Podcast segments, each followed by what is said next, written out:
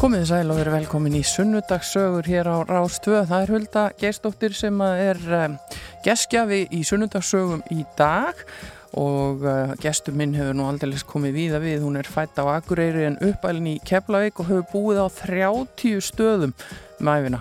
Um hún er held ég eina manneskjan sem ég hef hitt sem að elskar að flytja. Það er svolítið skemmtilegt. Hún hefur unnið á Samirkjubúi verið bladamæður og síningastjóri hún spila líka listavel á þverflötu og bucket listin hennar er nánast tæmdur það er líka mjög aðdeglisvert Gestuminn í dag er eh, Dagný Magjar Gísladóttir og við erum að koma okkur hérna fyrir og hella í fyrsta kaffibotlan verðum eh, í spjalli hér eftir augnablík en heyrum smá tónlist fyrst. En eins og ég sagði þá er gestuminn í sundagsögum eh, Dagný Magjar Gísladóttir Ég sem að er hægt að titla á ímsa vegu eftir fjölbreyttan uh, lífsferil en uh, ég held að ég fari rétt með ef ég segja að þú sért í dag uh, verkefnastjóri og rítöfundur. En er það ekki svona nokkurnu veginn utan á þetta? Svona nokkurnu er samt hæfla. þú, þú ert að vinna uh, í, í frumkvöðla verkefni? Já, ég er verkefnastjóri á Heklunni sem er 18. þrónafélag hér á Suðunessum og rak þar um nokkur ár frumkvöðla setur sem miður bara er búið að loka. Það var hérna upp á, á ásprú og það var bara búið seilast húsnaði þar. Já. en ég er með ráðgjöf til frumkvöla og sportafyrirtækja og hérna í nýskupun og ásamt ímsu öðru, það er mjög fjölbreytt starf. Já.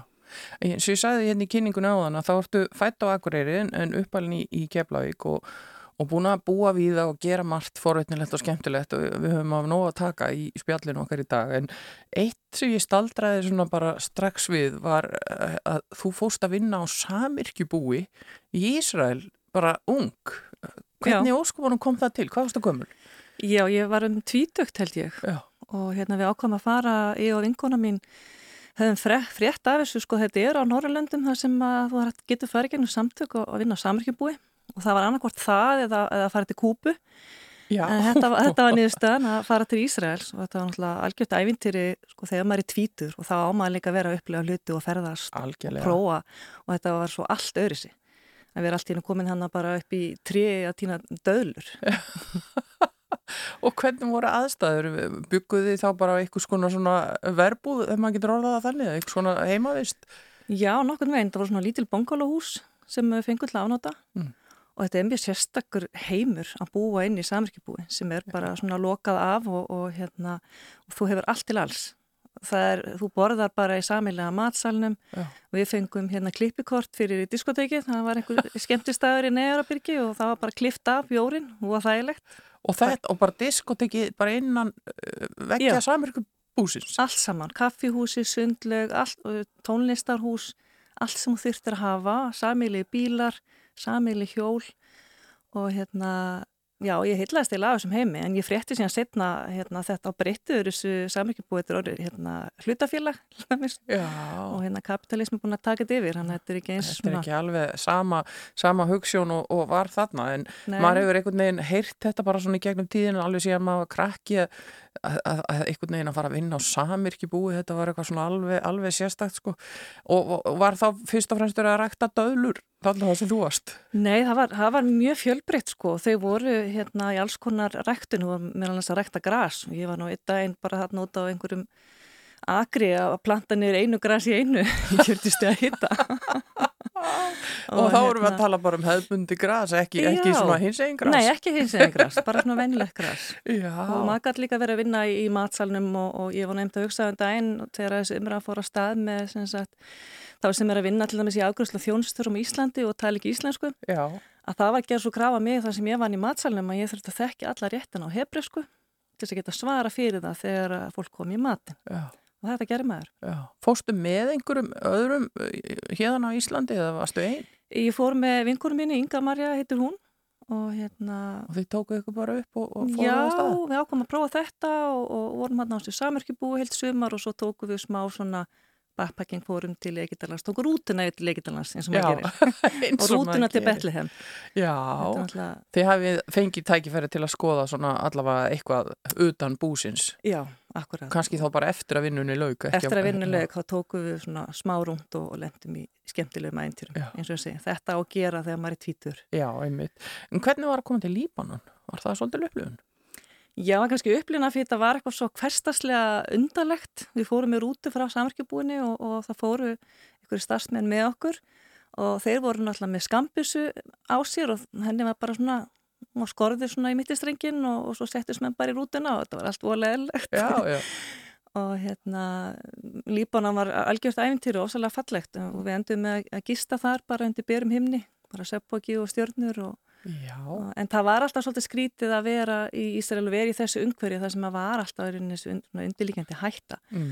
og maður fór kannski í garveislu eða sundlegaveislu og þar, þar voru menn bara með riffilna aukslinni að fá sér að bóða á hlaðborinu. Já, þetta og, er óvinnulegt og já. fyrir okkur sem að þekkjum ekki svona Nei. líf við hernat. En þannig er þetta bara svona hverstaslegu hlutur. Já, enginn svona velta sér sérstaklega upp úr því. Nei. En þarna varstu þarna þá bara orðin student og þegar þú ferði þetta eða... Já, já, þetta, já, eftir að ég útskriðast sem student. Já, þá leggstu í, í, ferðalög. Já. En uh, síðan svona hefur kannski fæst svolítið í áttina að, ég hvað ég að segja, menningageranum og rítstörfum og, og, og þessu svona uh, í, eftir þetta. Þú ferði að hérna læra og, og og fer síðan að vinna sem, sem bladamæðar á víkufréttum. Við erum nú mörg sem hefum tekið það skref svona út í heim bladamæðskunar. Já, þetta er greinlega mjög góð grunnur. Þetta er góð uppeldistöð, það er alveg á reynu, við verðum að hósa þeim fyrir það. Og, og þá varstu bara að vinna heima í, í, í Keflavík og, og, og svona í, í lokalfréttunum eins og maður segir á slettir. Já, sem er rosalega góð lærdomur. Einmitt, þegar þú ert kannski svona litlu sveitafélag og þú þarft að þekka allt innra stóðkerfið, þekka rétta fólkið. Já þannig að þú kynnist hérna, samfélaginu svolítið vel, þannig að þetta er mjög góða lærdomur. En hérna, ég uppgöttaði síðan, ég held ég að vera hérna í eitt og halvt ára þá uppgöttaði að hérna, þetta væri nú kannski aðeins svo mikið fyrir mig. Það var alveg það að mér litist að þú eru alltaf að ringja í fólk sem ég þekkt ekki neitt. það er óneitalega Já, hluti af þessu starfi. Það er hluti af starfinu. Ah. Starfið var mjög skemmtlegt og þetta var kannski eitthvað nostálgi hjá mér líka að pappi hafði. Hérna hann auðvitað meðal annars úr ríkisjónvarpinu á sínum tíma. Og maður hafði svona fyrirmyndina og, og langaði að prófa þetta og, og þarna var ég strax náttúrulega að byrja að skrifa. Vist, það er náttúrulega það sem ég var að gera síðan var krakki, alltaf að skrifa. Já, það hefur bara verið, þið er bara einhvern veginn eðlislægt að, að vera að skrifa sögur og, og setja eitthvað niður á blad. Já, ánsegja að nokkur tíma alltaf að gera eitthvað með það samt. Nei. En síðan gerur þú eitthvað með það og Já. þú er nú búin að skrifa nokkra bækur og meðal annars kemur á þremur bókum bara á síðast ári hvorki meirinu minna. Uh, hver er svona fyrsta uh, stóra sagan þín sem þú skrifar? Já, fyrsta bóki sem ég skrifa er um brunan í skildi og það var eiginlega því að mér fannst svo merkilegt að, að það var svo lítið tala með aðburð mm. og margir fáið sem þekktan en samt létust þarna tíu manns og þetta er einn mannskjæðasti bruni í Íslandsögunar mm. og hérna, mér fannst mikið að skrá þess að sög og þá ég átti að mája að, að þeir sem voru að það skemmt þessum börn voru komin á aldur og mér fannst bara mikið að vekta að skrásita söguna, tók við til við þetta fólk og, og sapnaði saman heimildum og já, og gaf að bók já. Var ekkert erfitt að fara inn í svona sögu uh, eftir allan hennan tíma einhvern veginn sem að eins og þú segir eiginlega leið óreið uh, lengi og, og fólk kannski ekki búið að vinna úr hvernig tók fólk þér þegar þú fórst að rifja þetta upp? Það var einmitt það sem var svo áhugavert. Það var í rauninni að rjúast að þögn. Því að það, ég held að áfallið hafi verið svo mikið bara fyrir samfélagi allt að það læðist bara þögn yfir hennar aðbyrð. Fólk bara gati einfallega ekki rætta. En það var samt ekkit mál, það vildu allir koma og hýtta mig og ræða við mig um þetta en maður sá samt, þú veist þarna voru sko áratýr síðan, það átti 70 ár ég byrja og, og fólk er að fá tári auga og þetta er ennþá erfitt mm. að því að mitt þetta var bara aldrei rætt. Já. Og þetta er uh, náttúrulega þá skjálfest núni í bókinniðinni, bruninni skildi sem að koma út fyrir hvað 10-11 árum? Já, 2010. Já, og, og, uh, og svo heldur þau áfram, það líður nú svolítið langt, kannski á milli þangar til þú ferði næsta verkefni sem við kannski ræðum aðeins betur á eftir. En þú ert búin að vera mjög svona mikið í, í svona menningar hlutanum, getur við orðað, ekki bara í skrifum, heldur tónlistinni líka og meðal annars búin að skipulegja tónleika raðir bara, eru, eru hugmyndirnar endalusar og óþrjótandi bara sem, sem sprettur upp? Ég greinlega, ég er vist, ég var að tvist að engi rauði þráður ég sem ég er að gera, ég fer svona út um allt einhvern veginn, bara því ég hef áhuga á svo mörgu Já.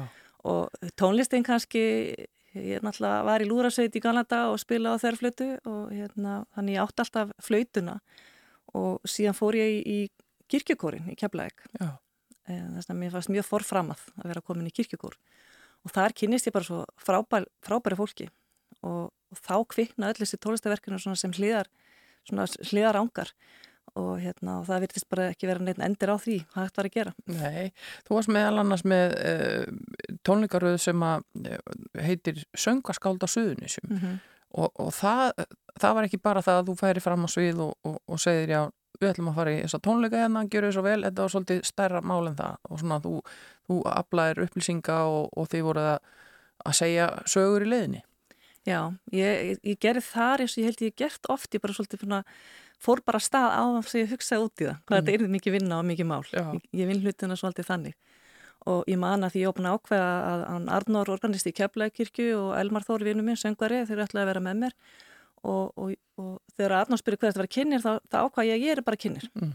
og hérna svo þegar það fór að líða að þessum tónleikum þá fekk ég náttúrulega magan bara hvað var ég að hugsa? Ég get náttúrulega ekki verið kynir, ég kann það ekki og fekk náttúrulega múalega mikið kvíða. En svo var þetta bara stórkostlega skemmtilegt verkefni. Já. En eins og sko risa stórt þetta var í fjóra ár sem við tókum að okkur að að fjalla um þessi söngaskáld af Suðunisum og svona sína þessa ríku menningar allir sem að Suðunisum henn hafa það er á nóg að taka. Já. Og ég var alltaf svona starströkk fyrir maður að fara að heita Ingi Mjörgur Þorbergs Gunnar Þorðar og ég var bara svona alltaf að tala því svona, svo merkilegt. Og það er það náttúrulega. Og þarna skrásett ég þessa sögu og við, við síðan sögðum hana bæði sko í tala og tónum. Mm og hérna var bara örglega eftir að gefa það át á bók líka einhvern tíma, kemur ljós. Já, það, það er að, alltaf eitthvað hægt að bæta við. Hva, hverju voru þetta? Þú nefnir hérna Ingi Björgu og Gunnar eh, svona... Rúni, Rúni Júl náttúrulega, Maggi Kjartans eh, við byrjum á, á Villa Vill og Sivaldi Kaldalón sem kannski færið þekkja. Var í Grindavík, Já, var héraslagnir keflinginga Já. Þannig að það var svona upphæfið en síðan er þetta voða mikið svona í kringum 60-70, náttúrulega Elli Viljáns og mm við vorum svo heppin þegar við vorum að segja frá Elli að hinn Ellin og borgarleikusinu kom í heimsó og loka tónleikonum þannig að þetta voru í það heila 17 söngaskáld sem við tókum fyrir. Já. og við vorum eiginlega að koma á þann stað að við hefum getið að fara, fara í yngra tónlistafólk sem er kannski bara í fulli fjöri. Mm. þannig að það ákveður bara að láta staðan um Kláruðu þetta og svo býðið þá hverjulega hinn verður aðeins eldri. En nú er náttúrulega búið að vera við erum búin að vera í þessu kófi í rúmt ár núna og við sjáum ekkit alveg ennþá fyrir endan á þessu og, og allt einhvern veginn menningastarf, tónleikahald þetta, þetta er bara búin að liggja niður í allar enn tíma sem að er svo ríkur þáttur í lífi margra. Uh, hvernig hefur það verið fyrir manneskis og þig sem að er búin að vera að skapa og, og dreifa eh, hérna, bóðskapnum í, í þessum málum að, bara einhvern veginn þurfa bara að vera heima að vinna og, og láta þetta allt eiga sig á meðan Já, ógíslega erfitt en samt ógíslega gott líka. Já. Af því að þá er maður svolítið ekki bara að, að hugsa og, og vinna bæði hugmyndir og undirbúa verkefni. Það er vel hægt. Ég ætlum að, að skrifa núna handrita heimildamindi umbrunan í skildi mm. sem er svona næsti fasi á því verkefni. Mm -hmm. Og sjálfsögði er ég með svona fjóra-fimm bækur í, í vinslu. Já, erst alltaf með svona marga þræði í gangi? Ég er alltaf með svona tíu flutreika á lofti, sko. Já. Og hvernig gengur að halda utan um það? Nýsjaflega Já, þetta er, er, þetta er hansi margt svona þegar, þegar maður fær margar góðar hugmyndir. En þú nærða að vinna úr þeim, þú ert ekki bara hérna, að ræra í öllu, það er alltaf eitthvað sem maður klárar. Já, ég, hef, ég er osla þrjósk, þannig ég hef þess að seglu. Mm. Það getur alveg verið, eins og brunni skildi tók mig þrjú ár að skrifa menn með hlýðum. Og hérna margar hugmyndir eru kannski lengi að svona marinerast í kollunum að verða eitthvað öðru. En já, ég held að það er bara þetta ég bara hendiði mút að byrja veist, og svo bara klára þetta einhvern veginn. Svo ferða að Já, en ég eins og, eins og ég sagði, ég átta mikið á því fyrir ég fór að hugsa að ég gaf trjár bækur á síðast ári. Og þetta var svona pína áfæll af því mér fannst ekki að var gæst á síðast ári það var bara COVID og leðindi og svo, ó, garfi orð og trappa Það er eitthvað, ég hef komið ykkur í verk svona inn á milli.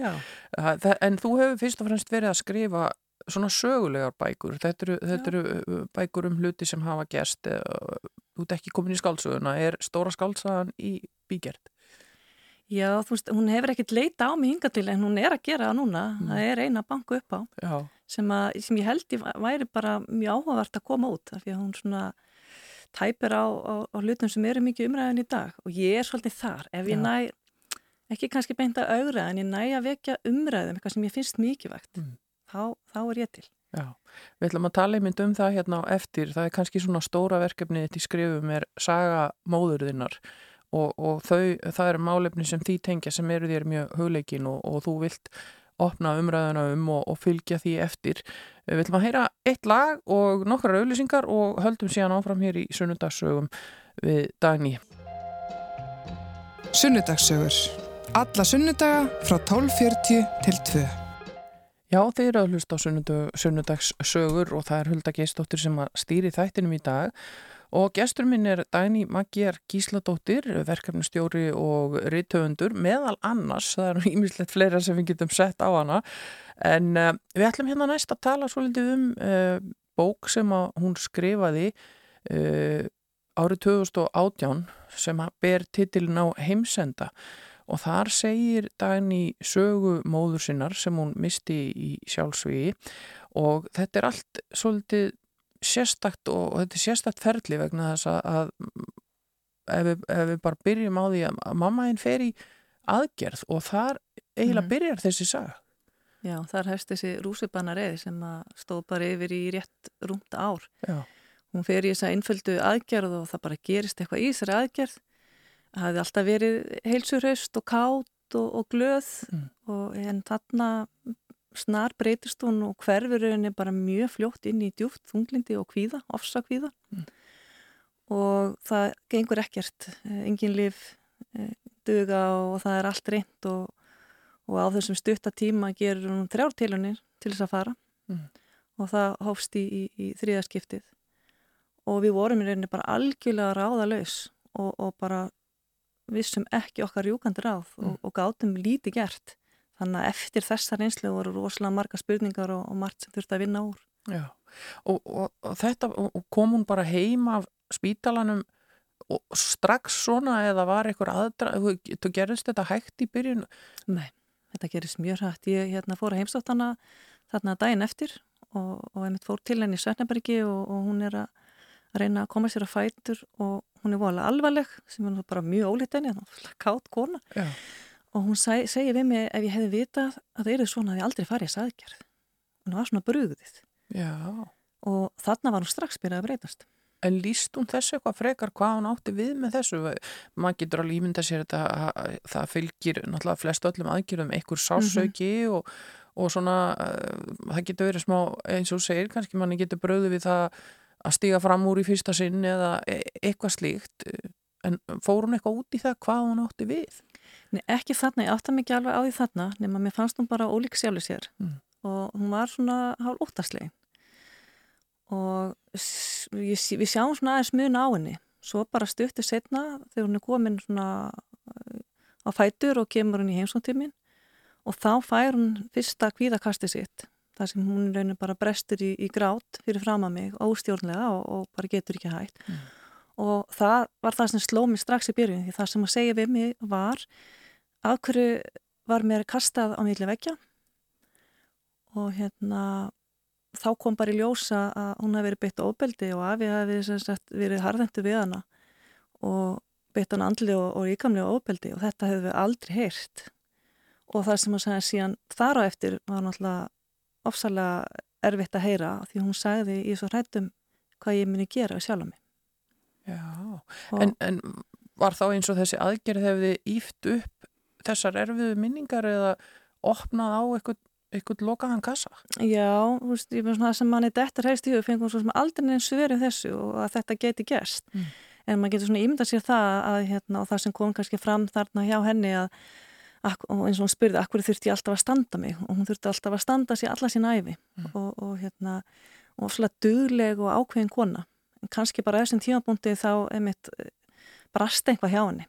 Og auðvitað var þetta eitthvað uppsapnað og þarna eins og ég segi, maður hugsa mikið um veist, áfull í æsku og hvað áhrif það hefur mm -hmm. og hvernig hún hefur unni úr því, hvernig einlega ekki neitt sko, bara að vera dugli og hvað að standa sig í öllu sem hún gerði í lífinu eins og svo margir gera eins og svo margir gera og svo bara var það ekkit endalist hægt og þarna bara brasta og það var svo ótrúlega magna að sjá þetta bara fyrir fram að sig Já. Hvað var hún gömul þannig? Þarna er hún á 60. aldursári. Já, þannig að þetta er kona á besta aldri og, og í, í sjálfu sér ætti ekki að vera farin að hugsa kannski um að hvaðja þannig laga. Nei, alls ekki. Já.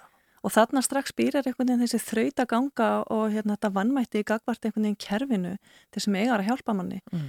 að ég mann allum eins og eftir þetta þetta kvíðakast þá fóru með hana og ég hringdi nýra á heilsugjæslu og ég fóru með hana þanga og svörum veginn bara að hafa lítið sem við kunni gert, ekki bara fara með hann inn á gæðdelt og hérna ég segi við læknin hvað hún hérna hafi sagt og þetta er náttúrulega bara erfitt að heyra móðu sín að segja þetta. Þú veist ég bara svo rætum að ég ger mér eitthvað. Mm -hmm.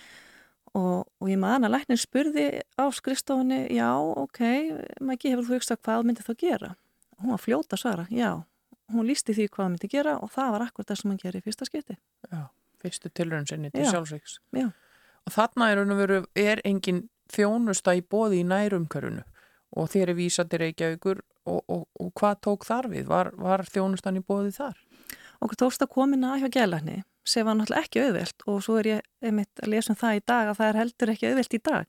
Nei. Það fæstis bara gælarni að taka sér nýja sjúklinga mm. sem ég skil ekki og okkur tókst að komin að hjá gælarni bara gegnum einhvern svona algjör bara klíkuskap. Já, manni finnst maður oft heyra þetta, fólk einhvern veginn þarf að þekki einhvern eða verða hálf brjálað Já. og berja í borð og eitthvað til þess að komast af. Einmitt að berja svona rosalega mikið fyrir einhvern veginn sem er einhvern veginn svo sjálfsagt veist, að, hérna, og neyðin var strax svo mikil og við vorum strax svo hrættum hana og, og hún fekk mjög góðan gælækni sem að sendi henni öll möguleg próf til að útloka að vera eitthvað annað sem mm. er að hafa hana, áhrif en eins og ég segi, hún, hún býrar að taka liv og, og hérna, þá kemur ljós eh, þessi þráhugja sem hún greinlega var með að hafa alltaf verið með, við ja. áttum okkur ekki á ja. hún svo hrætt við liv ja. þannig að hún býrar að taka livin en, en sko var alltaf að berast á móti mm. og það var svo erriðt í öllu þessu sjúkdómsferðli hún var alltaf að berast á móti okkur að reyna sitt besta en vannirinn alltaf gegn sér mm. og við einhvern veginn áttum okkur kannski ekki á því að þetta var sjúkdómurinn en ekki hún og manni finnst það leðilegt í dag að, að, að köflum voru vorum pyrruð bara við hana og látt ekki svona og, og þú veist lítu nú bara mm -hmm. og segja móður sinna hlýða Já. og hérna en ég menna hún reyndi sitt besta en þessi þráhækja var líka allan tíman að berast mótið henni, hún er svo miklu ágjör að aukaverkunum af lífjum Þannig að hún hefur eins og segir byrjað að taka þau en, en og letu hún eitthvað vita þegar hún hætti að taka lifin eða gerði hún, það bara svona í laumi? Hún tók þau reyndar sko Já. en það var bara svo mikið bara að fá hana til að taka þau og þá þegar það virkaði ekki fá hann til að taka önnur mm. og hún gaf þeim kannski aldrei sjans af því að hún einhvern veginn fekk allar aukaverkaðna sem mögulega voru. Hún kom alltaf til mín þegar það fekk nýtt lif, það er mín eftir til ég að fletta þessu upp og aðtóa aukaverkaðnar ja. og það brást ekki, hún fekk allar aukaverkaðnar. Ja, þannig að lókun... það svona styrti kannski hennar frá ekki. Já, þannig að lókun sagði við hann bara neyma mér, ég ætla ekki að gera það, mm. veist, við ætlum ekki að horfa þetta. Nei, við ætlum bara að taka lifin og, og reyna að, að líta á þættina sem að hjálpa okkur. Já. Þannig að það hefði kannski líka áhrif á þess að baráttu alla einhvern veginn að hún átti að erut með að berjast. Já. En hversu langu tími leið frá því hún fer í aðgerðinu og þanga til hún gerir fyrst tilrönd til sjálfsvíks? Hún fer í aðgerðina á amlistæði minn, maður það er náttúrulega alltaf, þetta er stafandi april og hennar fyrsta tilrönd þá tekur hún inn sem sagt uh, blóðþrýstingslif uh, er í júni. Já, það er ekki lengra. Það er ekki lengra. Og hvernig uh, komst þú aðinni eða hvað hva gerðist? Nei, stjúpi minn og, og maðurinn hennar, Þorstein, hann, hann kom aðinni og, og hún fer inn á, á sjúkrahús og er hægt komin. Og kannski að fyrir að hún vissi alveg hvað hann var að gera því að þetta er, það er ekki þetta dælu upp og hefur tekið svona líf og hún Nei. vissi það. Og þetta var svolítið ákveðin kona og þetta var alltaf mjög vel svona hugsað hjá henni. Mm. þetta er ekki eins og oft talað um svona að vera kall eftir hjálp, eitthvað svoleiðis. Hún ætlaði að klára þetta. En hérna sem betur fer þá tókst þessi tilun ekki og þá einhvern veginn fenguði mömmu til okkur aftur. Þá svona bráði af henni og við áttum okkur á því að þessi manneskja sem vorum að eiga við mm. og var svona erfið var náttúrulega ekki mamma. Vist, þetta var sjúkdómur. Ja. Og, og þetta gerist hvert eina skiptið. Næsta eftir gerist þetta aftur og þá einhvern veginn bráði af henni og hún í svona nokkra daga fenguði hann aftur. Já, og það bara eins og hún kæmist einhvern veginn út úr þessum, þessari þóku og, og í eitthvað smá tíma. Þessum vítarhing, já. En hvernig var þetta fyrir ykkur fjölskylduna? Ég meina börninennar og, og manninennar og, og, og þá sem að standinni næst. Eh, hvernig bregst maður við þegar maður bara, að því að þetta gerist allt svo hratt og það er engin aðdraðandi allt í einu eru þið bara í þessari stöðu og þetta er bara bara átt á líf og döða Einmitt, veist, við vorum með hálf lögum eða ótta einhvern veginn. Og að því þetta gerir svo hratt og, og hérna, eins og segi, það er strax komin tilhörun og, og hérna og, og það verist ekkert ganga og við erum svo ráðalus mm. og við einhvern veginn áttum gráði að okkur finnst heilbríðskeilu líka vera hálf ráðalust og hérna vissum ekkert hvað mátt að gera. Og það er svo osla erfitt að vera í þessu aðstöð og mér er sérstaklega erfitt einhvern veginn sem dóttir að vera í þessu aðstöð og ég get ekki hjálpa móðuminn og, og þú veist, það fannst mér svo erfitt. Og ég var, fór einhvern veginn í það hlutverk að vera þessi sem tala við læknana og skiplaði þú veist, viðtöfli lækna og fundi og, og svona vera í þeim geira og, og hérna, hefði alveg svona eftir að hekja alveg vilja að fá bara vera kannski dóttir hennar og geta þá bara verið, þú veist, að bara halda utanum hana og róa hana og mm og sinninni þannig. Já. Það var bara ekki einhvern veginn tími til þess og síðan kannski það sem hefði áhrif á þetta allt saman var að maðurinn hennar var líka þunglindur og hafi verið í mörg ár og, og líklega í mani á sama tíma þannig að, þannig að og átti bara sjálfur erfitt með að höndla þessar aðstæður þannig að ég svona tók svolítið að mér það hlutverk Já. Þannig að það var bara allt gríðarlega erfitt. Já. Það er eiginlega bara hljómar eins erfitt og það gæti verið í þessu samingi þetta, þetta hefur, hefur tekið á en uh, þetta, þetta var eitt ár svona cirka rétt rúmlega ár, já, rétt rúmlega ár frá því að hún fer í aðgerina og, mm -hmm. og þanga til hún hveður þetta líf. Uh, gerð hún það sama aftur uh, þegar hún reyndi annarsinn að fremja sjálfsvík fór hún þá aftur í lifin eða gáttu þið einhvern veginn voru því að berjast við að reyna komið í veg fyrir þetta fela hluti eða hafa hana í sem örgustu umhverfi? Já, þetta er góð spurning, af því að þú veist, maður fer á svo skrítin stað í þessum aðstæðum. Þú veist, maður, hál, hál, sko, maður trúur þessu ekki, því þetta er svo óræðanverlegt að trúa þessu. Og jafnvel þó hann hafi við reyndið einsinni, þá ekkert nefn trúið því að hún myndi ekkert gera það aftur, sem er svo skrítið svona þegar maður horfa tilbaka, Já. hvernig við trúum því.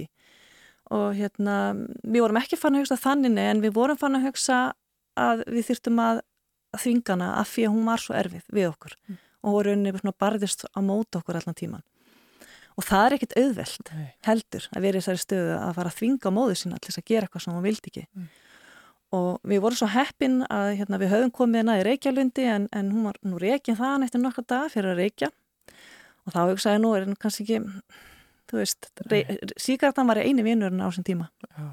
Þarna er svona, auðvitað bara koma ólík sjónamið upp annars vegar sko, kona sem er að berjast úr lífi sínu Já. og hins vegar það að hún stelist til þess að reykja, Já. Eh, hvort er mikilvægur Akkurat, maður hugsaði það og, og hún hérna og svo náttúrulega vildi hann ekkit vera þarna hún, hún, vildi, hún vildi hjálpa eina samt ekki. Og við höfum bara fyrir tæra hefni tekist að koma henni að inn á kleppi. Og þar komið þessu oslega erfið orði sem er kleppur. Já. Og það væri óskandi að við getum breytt hérna, þessari stofnun eða nafnin á þessari stofnun. Ég held að myndi hjálpa mikið. Já. Það er mjög svona, einmitt svona það er bara mikið leikundin þetta er mjög merkingaþrungin Þetta er bara svona loka stöðin Já. Og fyrir mömmu var þetta loka stöðin og hún vildi alls ekki fara hann að klepp mm. þannig að við tókum það ákvörðinu í samræði við hennar lækni að þvinga hana til þess sem er eitthvað svona tímabundið úræði bara 72 klukkustundir, eitthvað svoleiðis og uh, Sýsti mín var með henni þarna daginn sem hann átt að fara inn á klepp og hérna, henni fannst mjög erfitt að sitja mótinu og hún var að borða og hún grét og henni gröti sinn. Henni fannst svo erfitt að, að, hérna, að þurfa að fara þarna og vildi alls ekki fara. Mm. Og síðan eftir að sýsti mín fór og hún er inn á geteld og er býttir að flytja henni á klepp, þá fer hún þar og, og kasta sér niður að þriði hæð. Því hún ætlaði ekkert inn, já, hún ætlaði ekkert á klepp. Var það hægt? Var geðdildin þannig að þú gafst hreinlega gert þetta? Já, já henni, henni tókst það allavega og það var legubill sem beði eftir henn að flytja inn henn að klepp en hún ákvaða að fara þessa leið og hún uh, ríkbrotnaði uh, og slasaðist náttúrulega og þurfti að fara, fara í aðgerð. Og okkur er minnistætt að þetta var eina skipti uh, móðu mín var alveg ofsalega heil og vöndu kona. Og allan að tíma þegar við vorum stundum svolítið pyrru áni að fjón var að berast á mót okkur. Mm -hmm og, og hérna bara jafnvel leiðileg við hana svona finnst mann eftir á. Að þá, þá sá hann aldrei neitt neikvægt hún var aldrei leið, eh, reið við okkur. Nema þetta eina skipti þar sem hún er að leið þarna inn í aðgerða að hérna það fengur hún aðeins að heyra og hún var óstátt við okkur. Það var bara þetta eina skipti. Já, það, það er aðdána verst Já, það er bara svolítið magnat Miða við allt sem að hefur verið gangi hjá henni sjálfri og inn í henni og, í, í hugsunum hennar. Þessari örvendingu sko, sem Já. hún er í og, og heitna, hún vildi hjálp en, en samt ekki. Það var bara þannig. Þannig að þá er hún þarna orðin alvarlega slösuð ofan í allt annað og, og, og það, það sem tekur við er þá kannski bara, jábel, en þá er við að vera. Já, og þetta er svo, einmitt ég hugsaði með okkur sískininn, sko, þú veist, maður er svo einhvern veginn bjargalös og, og við hugsaðum auðvitað margt en við sem samt ekki reyninni hvernig kemur vekk fyrir einhver tak í lífsitt, hvernig mm. gerur það Já. og þarna var náttúrulega orðin rosalega hrættum hana, veist, þetta eru tvö, tvær tilunar á stutnum tíma mm. og þá erum við farin eins og við segir að hugsa sko, þegar að koma að því að hún er úskrifið af sjúkrahúsinu hérna, hvað eigum að gera, skilur við og hún vildi ekki farin að klepp. Og þarna einhvern veginn vildi við heldur ekki þvingana til neins því það fór nú ekki vel. Mm. Þannig að við ákvæmum frekar að reyna að vinna með henni. Já. en mér eftir, eftirminnlegt samtal sem ég átti við hana á sjúkrásinu daginn sem hún átti að úrskrifa hana. Og ég segi þetta við hana ég, segi, ég bara, ég sé hrætt við að hún fari heim og vil ekki hún fari heim. Mm. og hún spyr mig hvað, af hverju ekki? Og ég segi henni það ég bara sé hrætt um að hún gerir sér eitthvað og hún svara strax nei, þú veist, ég mun ekki gera það. Hún var svona bara reyðið mig að detta það í hug. Mm. Hún ætlaði ekki að fara að gera það. Og hérna en svo náttúrulega gerði hún það. Já. Hvað leiði langu tími frá því að hún, hún uh, ryggbrotnar í þessari annari tilrönsinni og þanga til hún, hún kveður endalega? Það er ekki nema tveir, tveir mánuður hún velur að fara heim. Já. og við ákveðum að stiðana í því voru samt drullur hrætt og hérna ég fer til hennar hérna daginn áður en hún dó og þá er fundur með hennar meðfæratimi sem er þá komið á, sem var nýtil komið í keflæk mm. og við áttum góðan fund og það er ákveðið að hún fari og prófa enn en eitt lífið. Og það var erriðt fyrir hanna að samþykja það því hún var svo hrætt við þessi líf Já. en hún, hún svona ákvað, jú, hún skildi nú reyna þetta og gefa þessu tækifæri og þannig ég var ósláð bjarsín einhvern veginn eftir hennar fund og, og ég kvatt hana og, og hérna en það var alltaf þessi ótt í henni. Og þarna sem ég sitt hjá henni emitt, á rúminni hjá henni að þá segir hún mig ekki yfirgeða mig. Og hún var svo hrætt allan tíman Já. og það var þessi gríðalegi ótti. Og hérna ég sagðist náttúrulega ekki alltaf yfirgefa hana en svo náttúrulega gerum það daginn eftir. Já Og, og, og þú situr hérna með móðurinni í þessum aðstæðum og þú átt líka börn, þetta er amma þeirra og, og það er stór fjölskylda hérna í kring og vinir og þeim sem þykir væntum hana. Voru bara allir einhvern veginn skjelving og losnir að býða og sjá hvað myndi gerast? Við vorum bara í sjokki, bara allan tíman einhvern veginn. Mm. og hérna en samt var maður vongóður, ég var vongóð allmis eftir að ég fór frá hann þetta kvöld var ég vongóð. Mm og fannst loksist eitthvað að vera að gerast og, og, hérna, og ég var líka búin að ákveða það að ég ætlaði bara að hlusta meira á hana af því við hefum svolítið verið að segja henni hvað hún ætti að gera mm -hmm. og bara sína henni einhvern veginn meiri virðingu en það og vinna þetta með henni þannig ég var mjög bjarsín en ég hef heilt svona eftir á frá fólki sem hitt hana hann að stuttu á er þar sem hún var í raunin að segja að hún var búin að ákveða sjálfa hún var bara först hana inn í einhverju myrkri inn í horni í einhverju myrkri mm. og hún bara vissi að hún kemist ekki það hann út og þegar þú ert búin að vera með einhverjum í svona mikil þjáningu og eins og hún, svona mikil skjelvingu mm. hún var bara skjelvingu lostin allan tíman ja. þá fer maður að hugsa þú veist, er bara ekki best að hún fá að fara?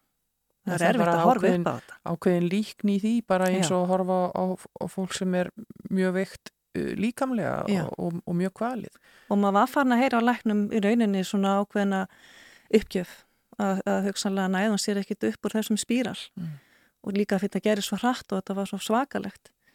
Já. að hérna maður hefði allavega ekki svona mikla trúaði Sunnudagssögur Alla sunnudaga strax eftir hátægisfrettir Já, við erum hér í sunnudagssögum á Rástvö eh, ég heiti Hulda Geistóttir og gestur minn í dag er Dagni Maggiar Gísladóttir. Og við vorum að tala hér áður við fórum í, í uh, þetta auðlýsingarlið vorum að fara í gegnum sögumóðurðinar sem þú skrifaður um í bókinni á heimsenda. Og þetta er sláandi saga á svo marganhátt vegna þess að þarna erum við að tala um uh, fullfríska mannesku sem fyrir aðgerð og kemur gjörbreytt út veikist uh, andlega mikið og sér enga leið nema að hvaðja þetta líf og, og þarna er hún búin að reyna tviðsvar hvað gerðist í lokin? Uh, í lokin þá hérna og það er svo skrítið að segja að manni finnst einhvern veginn hún var svolítið eins og kallmæður, hún þetta var svo rosalega, hún var svo ákveðin hvernig hún gekk að þessu. E, ég fæði símtar frá sýstu minni hann um morgunin og þá var hún horfin og þá hafði hún tekið bílinn farið á bílinn sem hún átti náttúrulega ekki að hafa getið gert mm. því að hún var náttúrulega slösuð og hækjum og, og hérna. Og þá hefst leitað henni og við, við leitum keirum um og, og leitum hérna með lauruglu og það er svo skrítið að fyrsta sem að einhvern veginn kom í hugan var rauninni bara að fara nýra sjó. Því hún hefði oft sagt að kannski bara svona sjálf bæði grínu og alveru þú veist að þá gengi í sjóin Já. og hérna hún var ákveðin kona og, og, og hún endaði á því og hún er nú líkilega verið búin að undirbúa það eitthvað að hún fer upp að, að klettum í Keflavík og keiri bílun þar bara fram, fram yfir Björg og hún í sjó. Og þar bara einhvern veginn laug þessari baróttu á þennan ömulega hátt. Já þetta er, þetta er gríðarlega sorglegt að, að heyra þessa sögu. Og mann finnst einhvern veginn að það sé sko einhvern úrraðleysi aðna eru við alvöru þar að við getum ekki hjálpað þessu fólki? Auðvitað koma sumur á þann stað að þeir bara ná ekki að brjótast út um virkrinu en, en er eitthvað eftir á sem hún sérð og þá ég ekki við ykkur hennar nánustu heldur bara kerfið. Hefði verið hægt að bjarginni einhvern veginn í geðheilbriðiskerfinu, í heilbriðiskerfinu okkar Einmitt, þarna sátt við eftir mér svo rosalega marga spurningar og bara hvað gerðist eiginlega. Mm.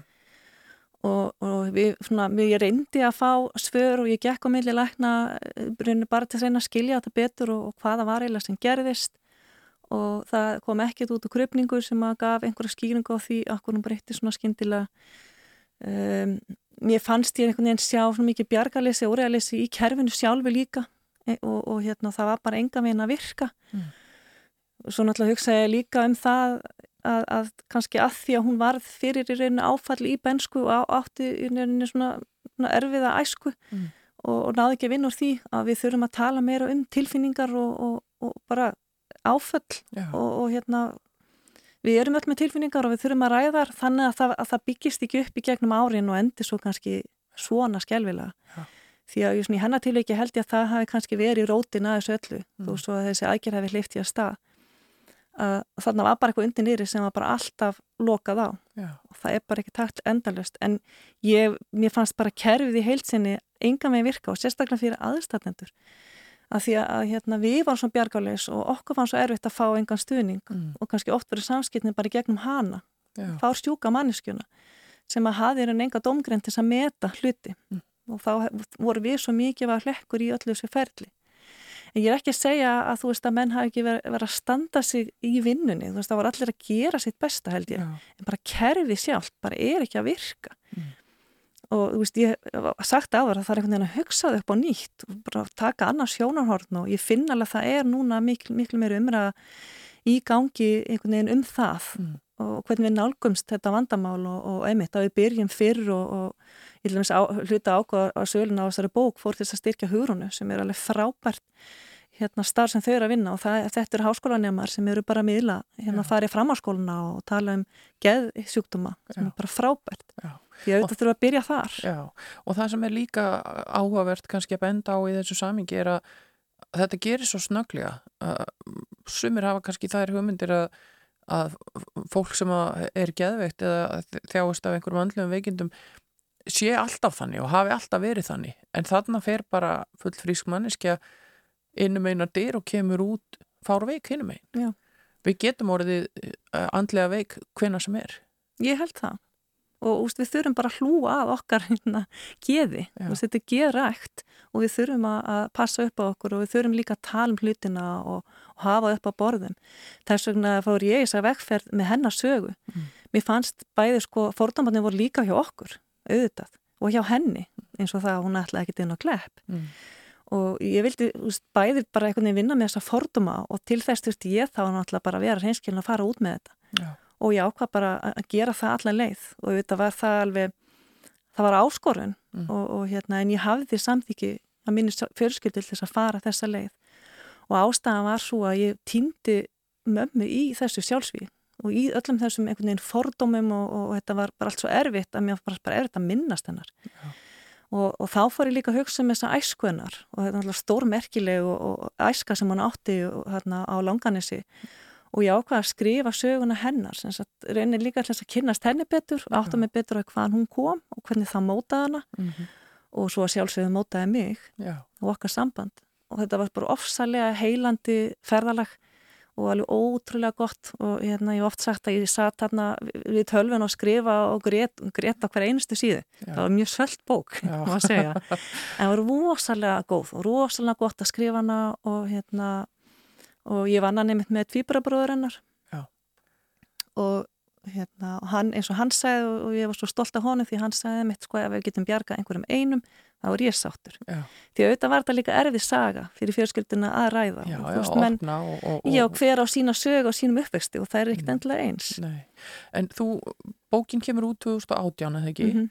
uh, hvernig voru viðbröðin? Uh, var fólk að tengja við þessa sögu? Uh, skipti þetta máli fyrir eitthvað nátt úti? Já, alveg ótrúlega. Og það var sem er svo stert og, og, og magna fólk bara að koma til mín hvað sem er, hvað sem var bara, þú veist, í mjólkukælinum, í veist, og, og, og bara að segja mig frá sinni reynslu. Og það áttu svo margir þessa reynslu og þessa sögu og það brannaði maður að segja hana. Og mér fannst svo mikið vegt að einhvern veginn að opna á það, það mætti, mætti ræði þetta. Já. Þú veist, og þetta bara svona e, e, pínulítið framlega frá mér til þess að það mætti. Það fannst mér sterkast af öllu. Mm. Það voru margar sögur hérna úti Já. það eru bara faldar. Já, það er ekki, það er ekki allir sem að uh, leggja þær að borðið eins og, og þú gerðir. En ykkar áföllum var ekki lokið þarna því að eins og þú nefndir áðan að, þá fór stjúfaðir þinn sömleið. Já, það, það var hérna ofsalega skríti líka að, uh, þegar ég var að reyna að hjálpa honum því að hann hafði svo sem verið að berjast lengi við þunglindi Mm. og mamma hefði hjálpað honum svo mikið Mm. og svolítið haldið honum uppi og svo er hún náttúrulega farin þessi hérna grunnur sem hann hefði og þessi styrkur sem hún gaf honum. Mm -hmm. og hann átti náttúrulega gríðlega erfitt. Og það var líka svona erfitt fyrir mig að fara síðan með hann til hérna gælæknis og heyra hann þar segja sama og ég heyri mömmu segja. Skilur, ég vil ekki lifa lengur. Er svo erfitt að heyra þetta. Já, og einhvern veginn hvað ger ég? Hvað á ég að gera? Og hann var í meðferð eh, og hann var eh, nýkomin í, á hveragerði eh, hérna í meðferð þar og, og það reyndu náttúrulega allir sitt besta til þess að hjálpa honum. En það var alltaf sami tótt í honum frá upphafi já, og í rauna eins og ég sagði áðan það var tilfinningin einhvern veginn þannig ég gatt bara und honum að fara. Mm, hann bara gatt ekki meir og, og hann, hann þraukaði þarna í fimm ár eftir að mamma lést. Já. og svo fór hann sjálfur sömu leið. Þetta er, þetta er st- stór saga einhvern veginn að bera á bakinu og, og, og fyrir þig og, og ykkur öll. Það eru auðvitað fleiri en þú sem að koma að þessu. Hvernig hefur bara þér og, og, og, og fjölskyldunum þinni gengið bara að vinna úr þessari lífsreynslu? Misvel, alveg öruglega og við öll einhvern veginn svona á okkar hátt. Já, eins og hann sagði hann, það, mér fannst það rosalega erfitt einhvern veginn gafar dætur mínum þú veist, að, að eiga við þetta. Og það var einhvern veginn mér fannst það erfitt að ræða þetta við þar mér fannst það erfitt að segja þeim hvernig amma er að hefði dáið. Mm það var bara einhvern veginn og ég fór, gerði margt sem var kannski ekki nefnilega rétt þá eins og að, að það segja það ekki. Ég bara gata ekki og ég Já. bara beð með það. En þá náttúrulega auðvitað, þú veist, er hægt hana því að þær frétti það eitthvað starf annar staðar. Já, og auðvitað bara ámar að vera opið með þetta strax. Og hann að séru, fórtumannir er líka hjá okkur sjálfum. Já og þetta er bara inngreift í, og ég bara, ég bara tristi mér ekki til þess að, að ræða þetta við þar strax. Mm. En sem betur fyrir er ég nú búin að laga það. Og hérna ég held sko að mörguleiti styrst þetta okkur líka. Og, og hérna, ég, ég finna líka á dætur mínum og þær eru bara þroskari og þær eru meðvitaðri um, um bara þú veist, Já. bæðum sjálfsvíð en líka bara geðsjúduma og, og hérna það er svo miklu fordómarka hvert sjálfsvíð og það er bara rétt byrjað að tala um þeim finnst mér, þetta er svona alveg nýbyrjað og, og, og það getur maður einhvern veginn neitt að útskýra þennan miskilling, þú veist, eins og að það að fólk sem fyrir sjálfsvíð hafi valið að fara. Því að sjálfsvíð er ekkert val sjálfsvíð er eiginlega akkurat það sem gerist þau hefur ekkert val. Mm. þannig að því ég veit að ef að mamma hefði haft val þá hefði hún valið að vera hjá okkur, sjálfsvíð já. Þetta er bara ein leið. Þetta er bara rör. Já, og þú kemst ekkert neitt annað. Nei, hún hafði ekkert val. Já. og mér er svo mikið átt að fólk átti sig á því. Og, og, og þá kannski líka þegar maður er að tala um heilbríðiskerfi sko, ég var kannski með hana eins og segir fársjúka banku upp á, getið hjálpa hann, getið gert eitthvað. Mm. Ég mætti símtali á helsugjæsluna og ég var svo hrættum hann og ég segi getið geti tala við einhvern og hún segi nei það er allir farnir í helgafrí. Þú veist, bara hafa samband eftir helgi og er ekki einhver vaktsými sem ekki treyndi og, og það var ekki hægt, þú veist, og ég segi bara hvað á ég að gera, þetta er, þetta er lífspursmál. Já, maður er að sjá svona sögur á samfélagsmiðlunum en þann dag í dag að, að fólk er að segja ég, ég, ég, ég hafi samband á bráðamótöku í sjálfsvís hugsunum og, og mér var sagt að hafa samband eftir helgi. Já. Við þarna verðum við að gera betur. Veist, þarna sé maður sko líka einhvern veginn um, þess að skökku sín því að þetta hefði verið einhver í hjartáfalli. Mm. Það hafði ekki verið beðum að ringja til helgi. Nei. Þetta er svo skríti og líka eins og það að, að mér veist jafnvel sko hvernig tala hann sjálfsvík þegar það er sagt sko að hann framdi sjálfsvík eða, eða, hérna, eða valda fara eða eins og þetta sé ákverðin eða val. Mm. Það er það ekki. Nei. Ekki fyrir að ákverður enginn að dega krabbmenni. Það er ekki val. Nei. Þannig að mér er svo mikið að fólk skilji þetta. Já, þú hefur einmitt verið, verið mjög ákveðin í því að fólk er ekki að nota orðið sjálfsmorð. Til dæmi, svona, það er bara orð sem hefur maður eigða bara því. út úr orðaforðan. Og já, helst. Já. Því að þá einmitt finnst mér svo mikið að fólk aðsvað því að morð er glæpur Já. og sjálfsvíð er ekki glæpur. Nei. Það er margt um að hugsa, hugsa í þessu.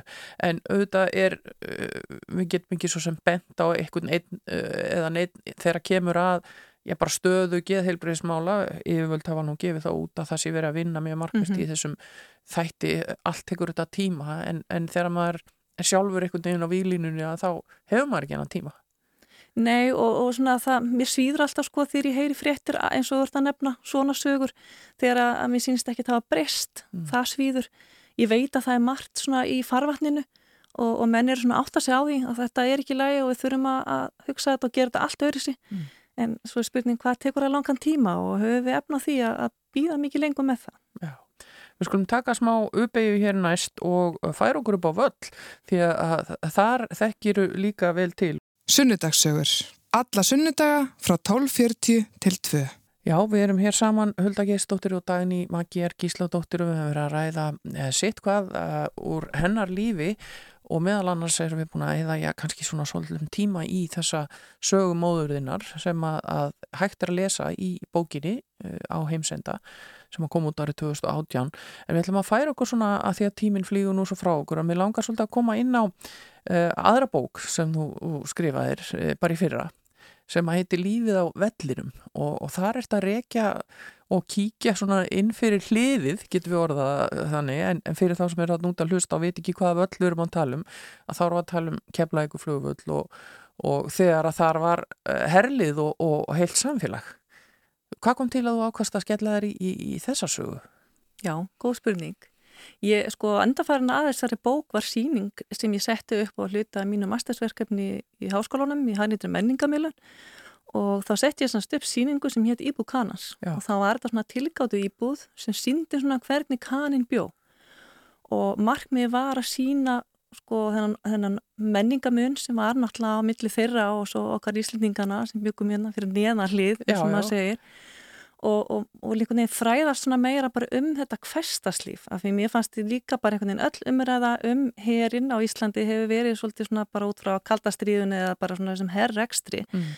eh, sem er óslega neikvæður og smiklið og annað sem er allt eitthvað svona neikvæða ímynd. Já. Mér langar bara að vita hvað fólk bjóða þarna þú veist og, og hvernig leiði þarna upp á vellinum og, og hérna eignast að vini eða þú veist bara hvernig var þetta? Já. Ég var forutun um það og það er miklu jákvæðri saga því það er bara sammannleg saga. Já. Þannig fólk sem er komið úr bara allt um menningarheimi, komið upp á miðnisheiði Mm -hmm. uh, í alla, allavega veðrum og, og einangrað og engin mól á Íslandi, allavega að byrja með. Þetta hefur verið mikið viðbrið. Já, það hefur verið það alveg öruglega og, og, og talandi um veðri, þetta er náttúrulega svona tiltölulega skjóllíti svæði og, og, og það var ekki mikill gróður þarna eða neitt slíkt, þannig að, að fólki fannst það kannski verið að komið á okkur að tundru bara þegar að lendi hérna. Já, það hafði nú einmitt orða á því og þeim er náttúrulega mjög tíðrætti um veðrið. Ég einmitt rætti við fyrirhandi hermenn fyrir þessa síningu og þetta loka verkefni og, og svona heyrði þeirra hlið. Já. Það er rosalega góðu speil líka fyrir okkur Íslinga að sjá þá hlið og hvernig þeir voru að upplifa Ísland. Mm. Og það var bara eiginlega vandræðilega, sko, vandræðilega hvað þeir voru jákvæðir hérna þeir voru að rifja upp þess að dvöl þrátt fyrir veðrið, þeir hlónu mikið af veðrinu. en það sem var jákvæmt fyrir á var það af því að þessi kemleikustöð var svona einangruð og, og lítil að þá fengu, að þetta var sjóherinn, að þá fenguður þess að dvöl metna sem, sem dvöl á skipsfjöl. Já. Þannig að þetta var ofsalega gott fyrir fjölskyldur því að þá að næsta sagt, eh, stöð sem þau fóra á að þá, þá þurftur ekki að fara að sjó. Já. Þannig að margir kannski bara voru áfram eða lengur og Já. þetta var bara mjög fjölskyldi vænt og, og eftirsótt að vera á Íslandi. En það er nefnilega ekki kannski allir sem átta sig á því að margir tengjaði mitt þessa herstu við flugherin og finnst bara að því að þarna var flugvöldur að þá hljóti þetta alltaf hafi verið flugherin en, en það var aldrei ekki svolítið. Nei, það var þannig í byrjun en síðan í rauninni kemur sjóherin og þetta er ekki saman mm.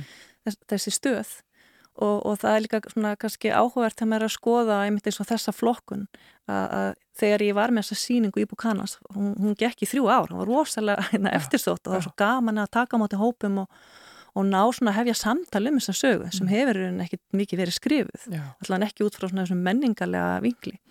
Að, hérna, þá heyrði ég rosalega mikið að fordómum á svona kannski miskilingi og mítum sem er enþá í gangi kannski á þeim sem að þekk ekki til mm. Og þar með allt þetta að, að það hefði ekki verið eftirsótt að vera á Veist, það var nú sögur um það að þetta væri nú bara rusli sem væri sendt keflavíkur og svo mm, framvegis. Mm, en það bara gekk einfallega ekki upp. Nei. það var eftirstótt stöð. Já. Þetta er forunilegt manni finnst uh, sko eh, ég er auðvitað alveg upp þarna líka og, og þekkti vel til, ég menna að við minn var bandariskur hermaður sem kom þarna á hana velli og, og, og pappi vann þarna og ég vann þarna sjálf á sömurinn og svo er þetta einhvern veginn bara farið og mér finnst bara að það er að vera risastórt saml þarna. Er það ekki eitthvað bara sem þarf að fara að skoða? Jú, þetta er rosalega skrítið, þú veist, emitt, eins og þú segir, þetta er farið og ég man svona fyrsta árið eftir að herin fór og, og ég fór síðan að vinna hann á þessu svæði að mann fannst óþægilegt að maður var að keira þarna eins og maður væri leiðisleysi og var ekki búin að fara genið hliði og ekki búin að sína passa Nei, og ekki búin að hljóma hann inn og það var rosalega skrítið. Og svo er náttúrulega svæðið bara það búið að taka því að borgarlega nót þannig að í, svona, ásýndin hefur breyst og, og svona, við sleiti skilum að það en mann finnst líka mikið að einhver hluti fá að halda sér áfram af því þetta er okkar menningarsaga þetta er yfirlega hálf öld af hérna, hersetu, ekki hersetu en, en þú veist her Já. og hvað, ég held að það hefði verið 200.000 bandrækjamenn sem fóru gegnum þessu stöð. Rauðfæðilega enda. tengja, tengja við Ísland, þannig gegn. Svakalögu fjöldi. Ábyggla myndast eh, vinabönd og, og, og, og auðvitað bara líka fjölskyldubönd. Það er margir sem að uh, rekja uppruna sinn til bandarinska herlisins og uh, þannig að þetta er mikilvæg saga og stór tenging inn í landið okkar. Já, og ég held að sé mitt mikilvæg líka fyrir að við, við horfum á þetta kannski út frá öðru sjónuhóðni og, og við byrjum að segja hana fyrir rauninni, ég held að hún sé kannski pínu skömm sem fylgisari sögu. Uh, kannski þykir hún ekki nógu fín en þetta er samt okkar saga. Og, og við þurfum að hefa samtal um hana og, og hérna byrja að segja hana. Og ég held að það kom til með að breyta líka við þorfinu til dæmis til Suðunisja og nú tala ég kannski sem Suðunisja maður mm. að hérna Suðunisja með fengur bara á sig þjósforð til dæmis, fyrir bara einhvern veginn fyrir smigl og, og, og hérna, svartamarkasbrask og, og margt fleira ja. sem að var reyninni ósangjant og á ekkert endilega við rauka stigast og ég einhvern veginn þegar ég var vinna þessa bók fekk ég alveg skýringar á því, þetta ástir ja. allt mjög öðlega skýringar ja. og það voru síðan heldur náttúrulega ekki bara kannski suðnisamenn sem voru að fara að rusla í hana kananum, það voru líka bara mm. haffyringar og reykíkingar og bara jafnvel út á landi Já. og það var náttúrulega bara líka fyrir að það var svo rosalega mikið efnislegur bara lífskeiða munur á millið þessar þjóða þessum tíma. Já. Við skulum enda þarna uh, á þessum nótum þar sem þú segir, þetta er okkar saga og við þurfum að segja hana og það er svolítið þannig líka með söguna hennar mammuðinnar. Uh, þú hefur opnað þarna og, og ert að segja sögur sem að þér finnst skipta máli að við varveitum og fólk geti tengt við við getum verið hérna áfram í allan dag. Það er svo margt sem við getum talað um. Þú er búin að gera margt áhugavert og skemmtilegt. Takk fyrir að koma og, og deila þessum sögum með okkur og, og uh, við fylgjumst áfram með þér. Ég þarf að skella mér í að lesa lífið á vellinum. Það er auðvitað gaman fyrir þá sem þekkja þarna eitthvað til að rifja þetta allt upp. Takk fyrir að koma, Dagni Magjar Gísladóttir við ætlum að enda sönnudagsögur á Jónasi Sig og Milda Hjartanu. Eh, Takk hérlega enn og aftur